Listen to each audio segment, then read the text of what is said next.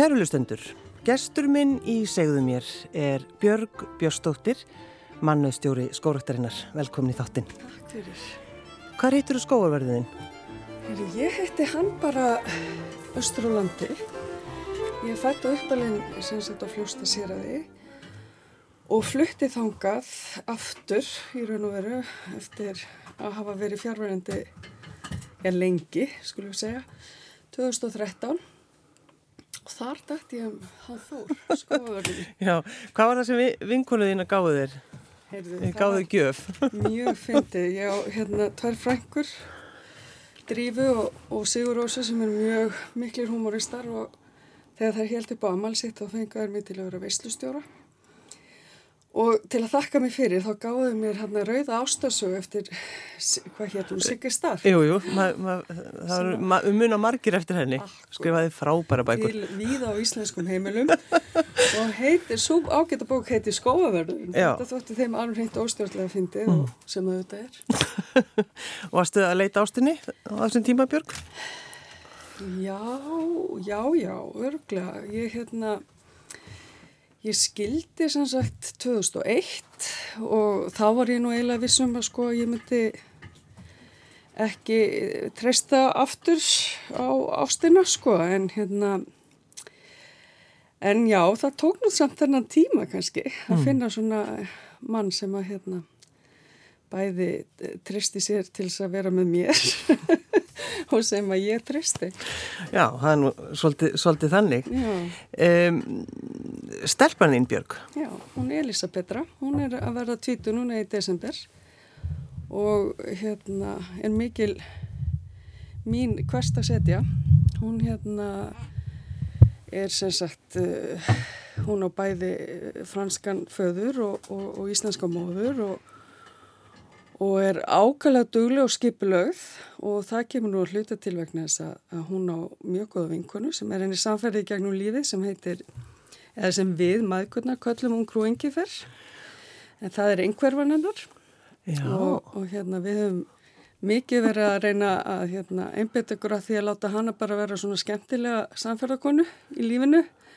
En ekki einhvern akkilisar hæl. Og okkur gengur það ágætlega. Samfélaginu gengur það stundum ekki eins vel. Mm. en Elisa er nú meðvituð um það og hún gerði til dæmis lokaverkefni í mentaskóla svona hlaðvarpstátt um ungrú engifer þar sem hún reyndi svona aðeins að útskýra um, hva, hvernig, hvernig vinkona hún er og, og svona kannski líka reyna að átta sig á því sjálf hvaða augum aðrir uh, líta hanna. Já sem var nú kannski ekki alltaf auðvelt en hún er hugurökk stelpa mín og, og, og, hérna, og jákvæð og skipulöð og hún létt sér nú bara að hafa þetta. Mm. Svona hvernig, hvernar uppkvitaðist þetta Björg að hún væri einhver? Já, það er nú eiginlega... Veistu það eða? Sko það var hérna, ég held að það hefur verið hera kennanir í Vesturbæðaskóla í bara eftir fyrsta ári sem að átti þessi á því það var eitthvað. Mm.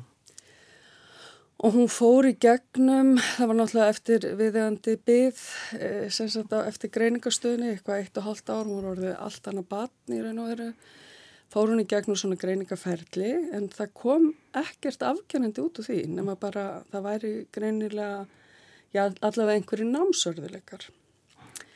Síðan er það ekki fyrir ný lok tíundabekkar sem hún fær í raun og veru greininguna. Já, búin að fara gegnum allan grunnskóla. Já, og hefði sko þurft í raun og veru miklu sérhæðri aðstöði gegnum allan grunnskóla þó ég ætli sko að þakka öllum hennar kennurum fyrir allt það sem þeir gerðu fyrir hana en, en þetta er og það er það sorglega svo algengt með stúlkur.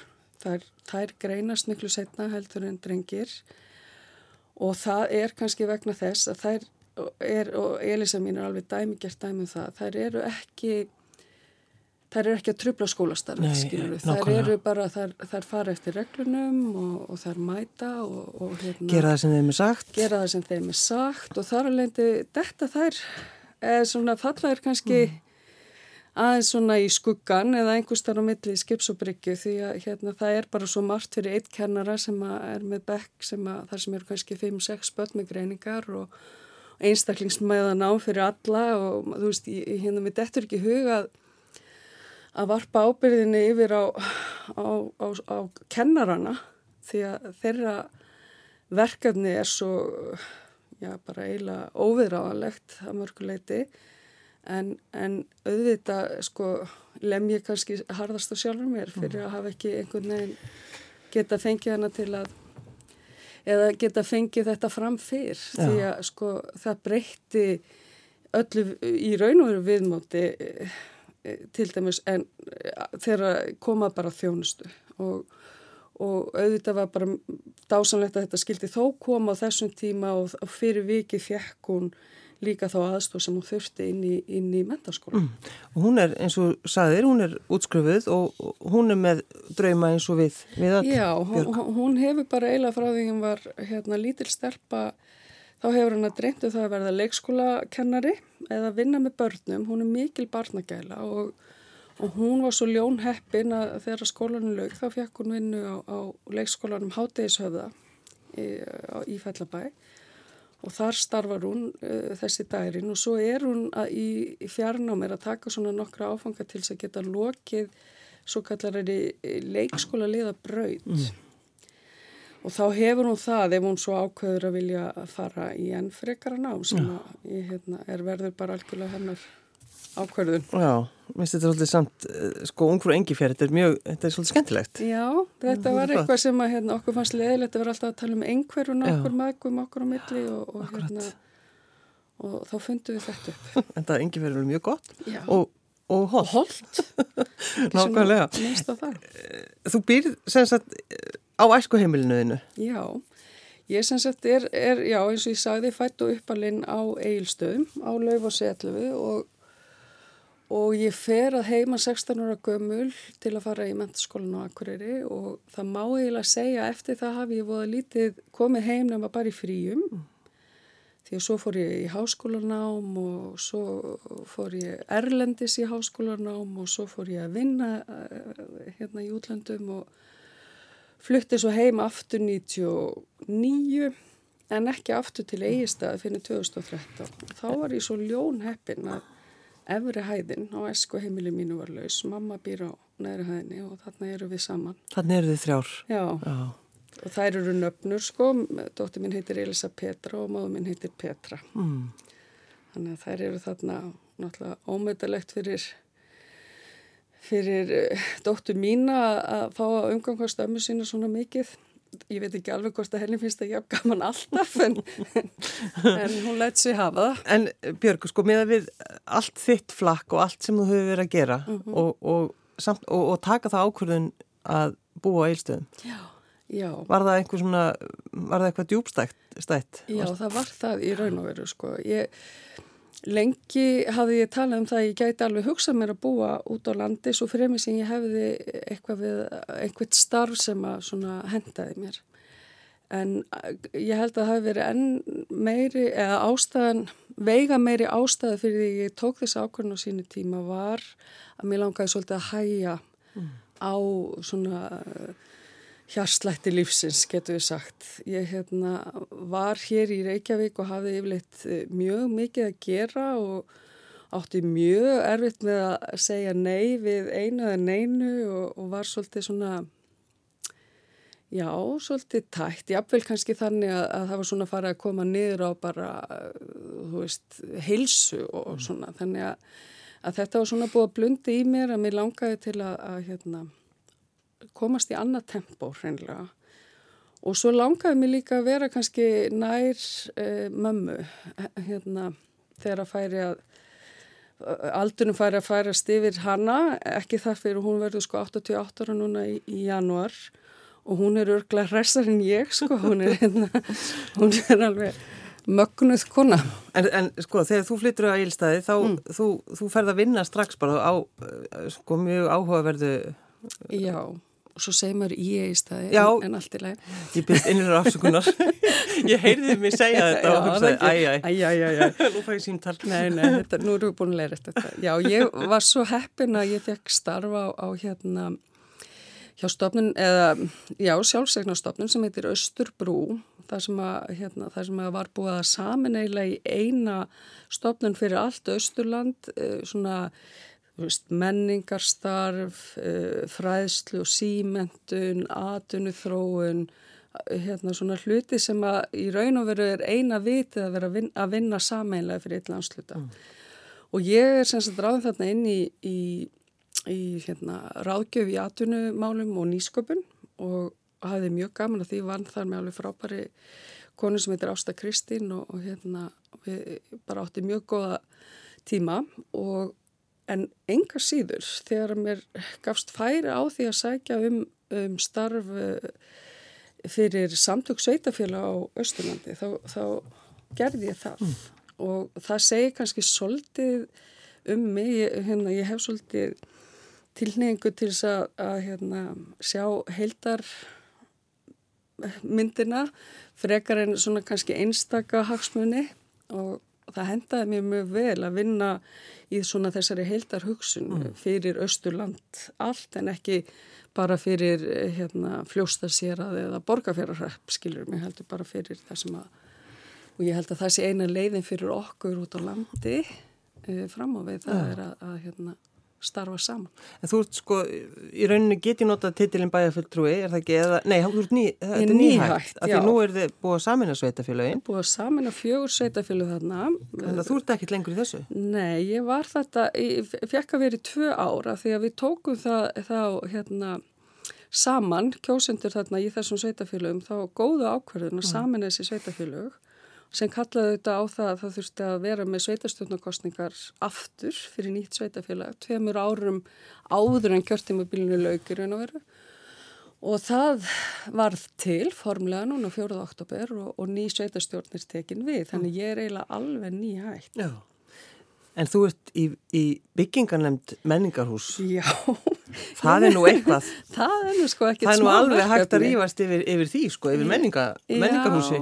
Já, en, en ég ætla sko, mitt eftir ekki huga að rýfast yfir því því að nú erum við loksins komið með fjármagn og erum loksins að, að fara að farið þessar skóla, ég held að þetta, sé, þetta máli rætur er ekki aftur til ásins 1999 þannig að hérna við erum þólum á þetta fyrir austan og uh -huh og erum loksins að hefja bara framkvæmdir í, í, á ef, aðalega á efri hæð hérna, sláturhúsins sem er okkar menninga með stöð en líka á, á henni svo kallu þriðju burst á sapnahúsin okkar. Mm. Þannig að saman myndar þetta menningarhúsið á, á e, já, í nýju sveitafélagi sem að líklega mun heita Múlaþing en já. það hefur ekki verið tekið ákvörðin að það. Það, er, Val, það var hérna í öðru seti var, var dregabegð. Dregabegð? Já, fannst það ekki svolítið skemmt. það var svolítið gott.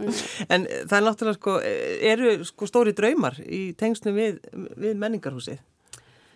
Já sko, öfugt við það sem kannski margir halda, þá er mjög ríkt menningarlíf hérna á Östurlandi og við búum að því að hafa haft núna um, um margra ára skeið alveg frábæra menningafulltrúa sem heitir Signi Ormarsdóttir sem að hérna hefur, uh, hefur uh, á mörguleiti lift bara grettistaki í eins öllu því sem tengist menningamálum á Östurlandi og, og við erum með uh, það svo margt um að vera og okkur hefur oft vantað bara uh, hvað ég var að segja, okkur vantar stundum eins og með sláturhúsi núna, þar er að verða til fyrsti svarti kassin fyrir utan hérna höfborgarsvæðið og við, og við finnum það bara strax að bæði þjóðleikúsið og borgarleikúsið þau sjá strax mikil tækifar í þessu því þarna getur þau komið með litlar síningar sem henda þessu rými bara inn í fullkomið, eh, fullkomið svartan kassa Já. og sínt síningarna sína. Það er náttúrulega frábært. Já, af því þetta er þjóðleikúsið, þetta er leikúsið okkar allra og, og, og borgarleikúsið er auðvitað við, hérna, höfuborginni líka borgin okkar allra og, og hérna, og það er í sjálfsög líka okkar, okkar leikús, þannig að þannig erum við að fá í þessu menningarhúsi fáum við, ég kannski bara enn frekar tækifæri til þess að vika út það menningarstarf sem fyrir er. Já. En af hverju sóttur um skórekta, um mannæðstjóran? Já, ég hérna Varstu... stundum teki, þegar maður hérna, okkur leifist það, þegar við erum komin á ákveðin aldur að hérna að, að taka ákvarðanir sem eru ekkit endilega lógiskar. Já, til það mikið Björg. Takk fyrir. Og ég, hérna, ég tók þá ákvarðin í, í hérna, um sumarið 2017 að, að segja skili við, við samtöksveitafélag á Östurlandi en ég var ekki með neitt annar starf. Og það er náttúrulega ekki mjög lógist, sko, ef maður, ef maður hugsa þetta þannig. En og það er nú kannski það, uh, hvað var að segja, daburlega að á Östurlandi til dæmi sem það er, það er ekkert bundið Östurland, uh, það er oft þannig í landsbyðunum uh, að þar er ekkert endilega mörg sérfræðistörf, það er að störf fyrir fólk á, með háskólamöndun. Og ástæðan fyrir því að ég er í dag mannustjóri skóraktarinnar er að það var auglist hálfstaða mannustöða stjóra hjá skóraktinni og það var eiginlega eina starfi sem var verið að auglisa akkurat þá. Svo ég sótti bara um. Þetta er fyrir mig. Já, já, já ég bara, ég sá að ég gæti takað í ímisbóksarna þó ég hefði ekki unni við mannustjórnun og ég ákvað bara að prófa Varstu og, þá búin að hitta skóavörðinu? Já, ég var búin að hitta skóavörðinu og þetta var sérstaklega rætt í atvinnuviðtalinu sko hvort ég gæti hérna mögulega verið sko hérna hvað veist ég, óvilhöll skóavörðinum þegar hérna en, en við fundum bara leiðir í kringum það. Auðvitað. En segð okkur Björg Björnsdóttir frá Peru. Já, heyrðu. Við Þór og Ástriðu sýstir hans, við ákveðum að fara með henni Margreti Jónsdóttur Njarðvík í hennar fyrstu ferð til Peru.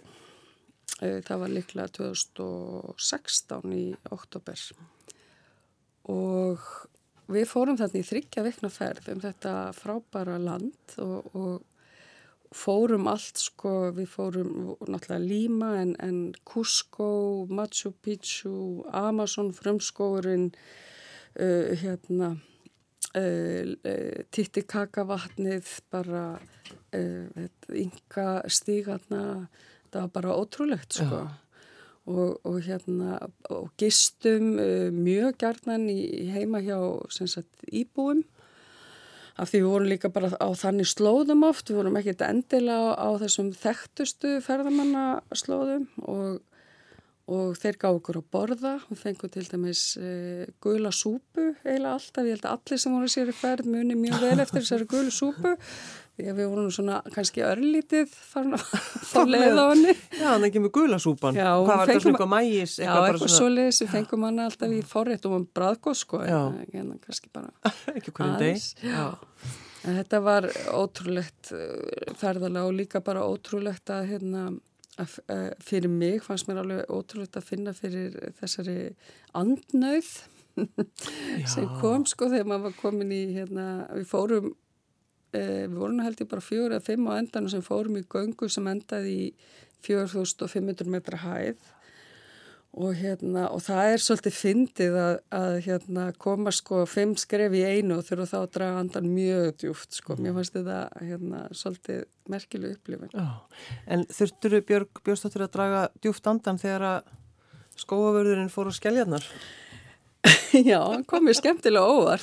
Hann hefði hérna rókið til og farið þarna á einhvern markað í Peru og, ég held að það veri í, í hérna, ég held að það bara veri í Cusco, annars mann ég það ekki alveg. Það sem hann hérna fann tvo ringa sem eru með enginni stýrum Peru, það er kondor og, og hérna patrustýr meðal annars og slanga einhver og hann dregur þetta upp í líma, kemur mér algjörlega óvart þarna einhvern morgunin og ég náttúrulega sagði bara já.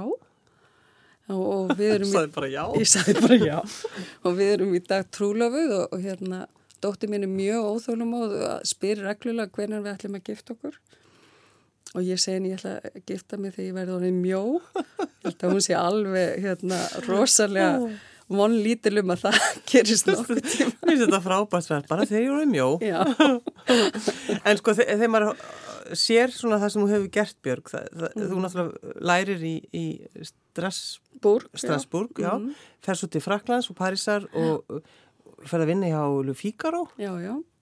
Já, ég, hérna, ég, ég fer sem sagt í meistaranám í bladamennsku í Strasborg uh, og, og þar kynnist ég basföðu mínum, honum Benjamin og hérna og þegar bara strax eftir námi, að náminu líkur þá kem ég hérna heim og fer að vinna hérna á fréttastofunni og, og það var bara mjög skemmtilegu tími. Og síðan fyrir Benjamin uh, það hérna herskilda en hann sem sagt fór sem svona að vinna menningar í menningardeilt franska konsulatsins í Istanbul og þangað fer ég og er fréttarítari hérna fyrir Rúf og svona ímis tímaritt og blöð á Íslandi. Býtu á þessum, stoppum aðeins við Istanbul, á þessum tíma Já. er þá ekki, það er Sofíu Hansen? Jú, Sofíu Hansen málið eða og dætur hennar Já. eru í, í, í svolum hérna svolítið algleimi þarna, það er sko hann kemur, Halim kemur með dæturnar hérna fyrir réttarhöldin Já, og var með þetta sjónaspil þegar hann klætti, kom með sko 15 stúlkur allar eins klættar og umhverfilegt að þekka í réttarhaldið og það, ég manna á stöðu 2 sendi Haug Holm til mm. Istanbul og við vorum saman hérna með AFP tökumann og vorum að fylgjast með þessu en eh, líka ótrúlegur tími að vera hérna í Istanbul náttúrulega dásanlega borg og, og Tyrkir dásanlega hérna hlýlegt og gestri sér mm. fólk. Þannig að það sem maður einmitt heyrir Já, þegar fólk nefnir Istanbul. Já, og það er hérna bara svolítið sorglegt að horfa upp á á hérna pólitísku þróun sem er þar en er nú einu sagða. En frá Istanbul lág svo leiðin til Parísar, eh, hérna okkar begja, okkar Benjamins og, og við náttúrulega bæði eh, hérna blaðmenn og, og í Fraklandi er það svolítið þannig að, að maður fer ekkert út af sinni mörkuð braut. Ef þú hefur lært að verða blaðmar þá reynur þú bara að fá vinnu við það, við það og, og það þýði voru lítið að sækja um eitthvað starf eins og til dæmis mannustjóra ef maður er ekki með próf í því það, þeir eru svolítið þannig. Þannig að við erum náttúrulega bara bæði að leita okkur að starfi í þessu og, og ég hérna e, átti vinni sem voru að vinna á Fíkaró sem voru það sem heitir Sukretert og Redaksjón. Það er að segja að það er fólki sem tekur og allt, allt mentaðir bladamenn sem taka við greinum frá öðrum bladamennum þeir lesa þar yfir og eiga leiðrætta þær og, og ef það er einhverjar málfarsvillur eða eitthvað slíkt þeir eiga líka að gera svona fyrirsagnir og uh, millifyrirsagnir og enganga og, og, og skera þær ef þær eru langar og svo setja þær þetta allt saman upp í svona tekniforriti með velja myndir með og bera í raun og veru ábyrð á því allt sem er á síðunni sé rétt. Og þarna átti ég, eh, í, í þessari deild átti ég sem sagt góða vini sem að voru líka úr sama skóla ég. Og þeir lögðu einn gott orð fyrir mig og ég get nú alveg sagt að þetta var nú ekki alveg sjálfsagt sko. Ég er nú fyrsti útlendingurinn sem að, hérna, sem að vinn þarna sko við þetta og, og ég fekk viku sem sagt svona pröfu eða reynslu til reynslu, var tekinni viku til reynslu og það gekk allavega það vel að ég fekk að vera áfram og var eiginlega í alveg þánga til ég flutti heim 99 mm. þannig að það var líka ótrúlega lært á sig og skemmtilegu tími gaman að vera á svona stóru blaði Já, fíkar og þetta er náttúrulega bara Þetta var bara stærst, eh, þegar ég er það er þetta stærsta dagblað fraknans mm. og, og hérna líka hérna alveg þekkt sko, svona frekar hægri sinnað. Já, já, þannig að hérna, það, var, það var líka mjög aðdeklusert að vinna inn á blaði þar sem að var sko, alveg frábært fagfólk sko, en, en sérstaklega þegar maður uh, lendi því að vera að vinna sko, skipti deildir og vera að vinna á deildinni sem hétt pólitík og, og sá um sko fórsíðuna að þar gæti maður kannski aðeins fundið svona blæbreyðamunin mm. í áherslum. Já, já, já Ég átti líka góða vinni úr, úr skólanum sem voru að vinna til dæmis og Líbrasjón sem er aftur frekar til, til vinstra. En var það, sko þú hefur alveg bara getað að halda áfram að vinna þarna? Já, ég hugsa það. En, en hvað er það með Ísland? Það, það kallar, það kallar ámann, Björg. Þetta er alveg, ég, ég hef stundum hérna og ekki reyndar bara varnandi Frakland heldur bara til dæmis varnandi flutningin östur. Ég stundu veldi fyrir mig hvernig límitt hefur orðið ef. Ekki það að það skilir nokkru en, en hérna En uh, ég, já, ég, það var eitthvað, mér fannst, ég, ég, þetta er, ég held að margir Íslendingar finni fyrir þessu. Og einhverjum tímapunkti bara þurfa þeir að fara heim. Og, og ég veit ekki... Það, er ekki eins og þetta stjórnaði, það bara nei, gerist. Nei, og Benjamin var alveg til ég að, að koma og við komum hérna heim og, og, og þó að við höfum skilið þarna 2001 að þá, þá býr Benjamin hér og unni sér bara vel, held ég, mm. sko. Já, já. Björg, hvena fórstu að skrifa ljóð? Um, ég hef alltaf haft rosalega gaman af því að skrifa og kannski ekkert skrítið sko þegar maður velur sér það að vera bladamæður til dæmis að menta að, að þetta snýst náttúrulega mjög mikið um orðið og orð og, og texta. Og ég sko bara í mentaskóla þá var ég farin að hérna, senda inn smásögu í smásagnar-samkjafni og þegar ég var í háskóla þá ég, hef nú stundum ég, hérna, góðvinkonum mín stórskaldið Gerður Kristni sko, ég hef stundum státað því að við eigum ljóð í sömu bók. Ég myndi, myndi nota alltaf. Hérna, það, var, það var þegar ég var í nýbyrju í háskóla það var einhver ljóðasamkjafni og, voru valinn þar úr nokkuð ljóð sem voru byrt á bók og þar eigum við gerður sem sagt báðar ljóð og Sindri Freys og Já, Kristján Þóruður, skilur þarna fannst mér þetta bara verið gott og ég hætti.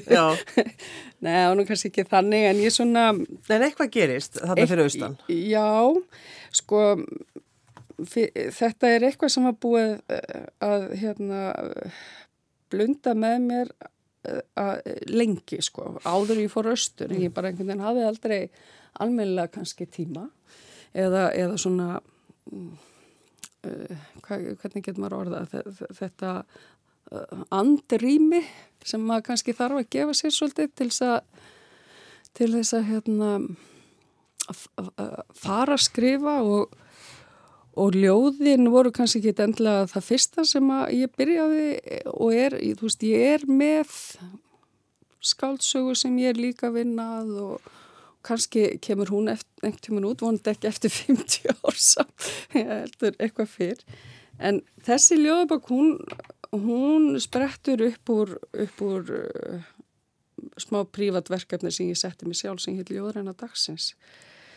Já, alveg rétt sem hún settur á Facebook. Já. Á hverjum ég, einasta degi eitthvað. Já, ég, ég ákvað það þarna, ég, hérna, ég á mjög góða vinkonu sem heitir Herborg Eðarstóttir, leilistakona, algjörsnillingur og og hún var í meistranámi, ég held ég list kennslu deild listaháskólan svo var að skrifa meistrareikjar sem hún baði með maður að lesa yfir fyrir sig mm.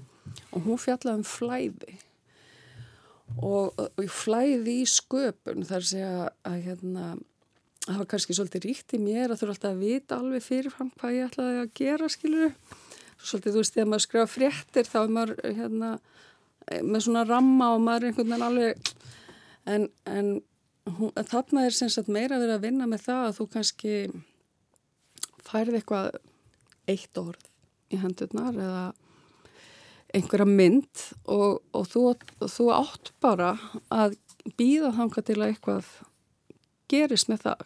Kannski prófa að skrifa það niður eða eitthvað að gera.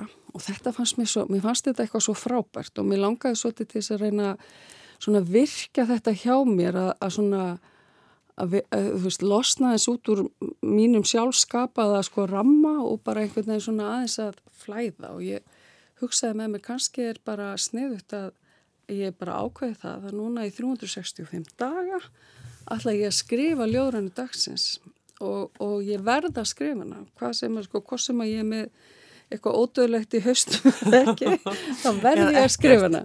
Eða ekkert, þá verð ég samt að finna eitthvað. Og, og hérna þú veist er svo fyndið að í, í upphafi þá var ég ofsalega meðvitið um þetta og bara já, allan daginn alveg að hugsa um ljóðrunum og ég verða að vanda mig. Og ég verða að vanda mig og alveg búin að sko, svo undir lokin þá var þetta kannski þannig að ég var komin upp í rúm á kvöldin og var bara að fara að soða og það bara ah, eftir að gera ljóðrunni og þá bara, þá, þá gærna tók ég bara eitthvað orð og hugsa já, ég ætla að búa til eitthvað í kringum þetta orð. Mm.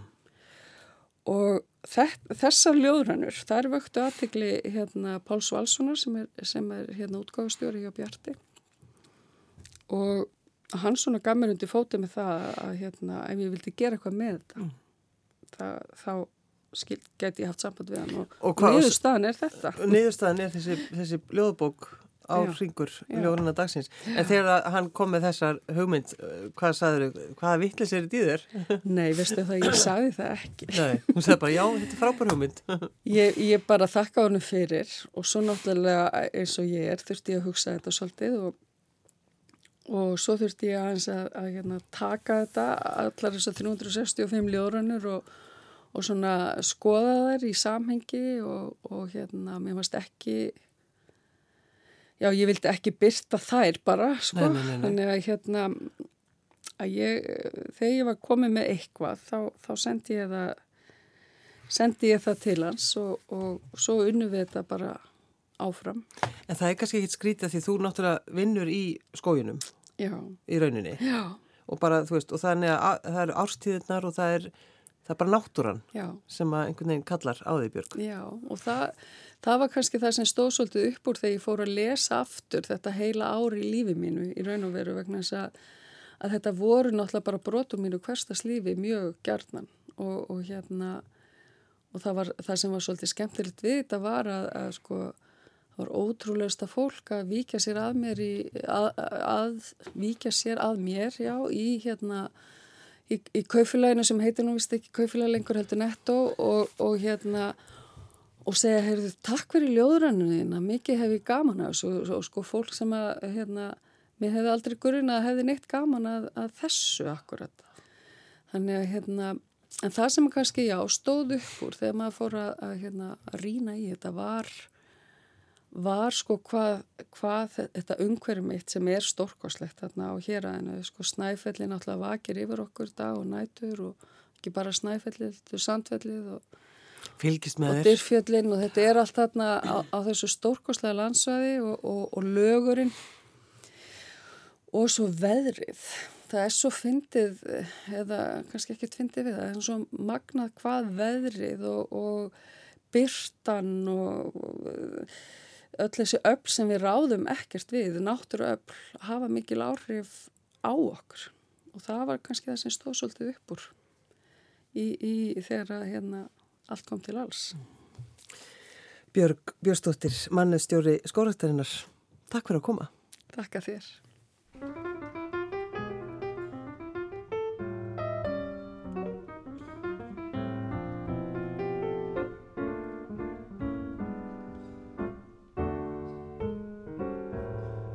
Fly me to the moon Let me play among the stars me see what spring is like on Jupiter and Mars. In other words, hold my hand. In other words, darling, kiss me. Fill my life with song. Let me sing forevermore. You are all I long for, all I worship and adore. In other words, please be true. In other words, I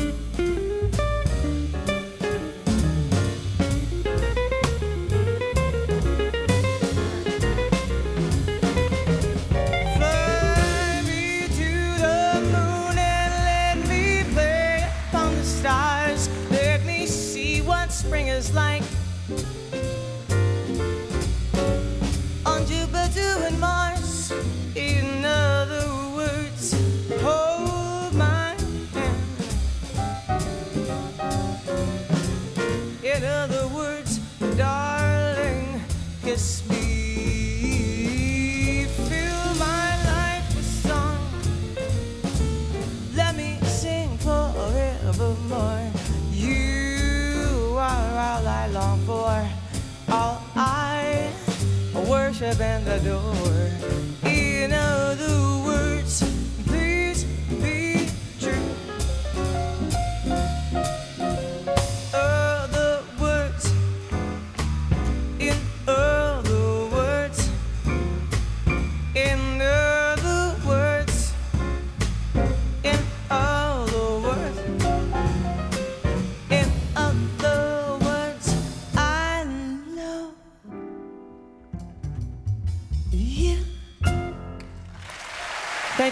Bless you. Thank you. Good night.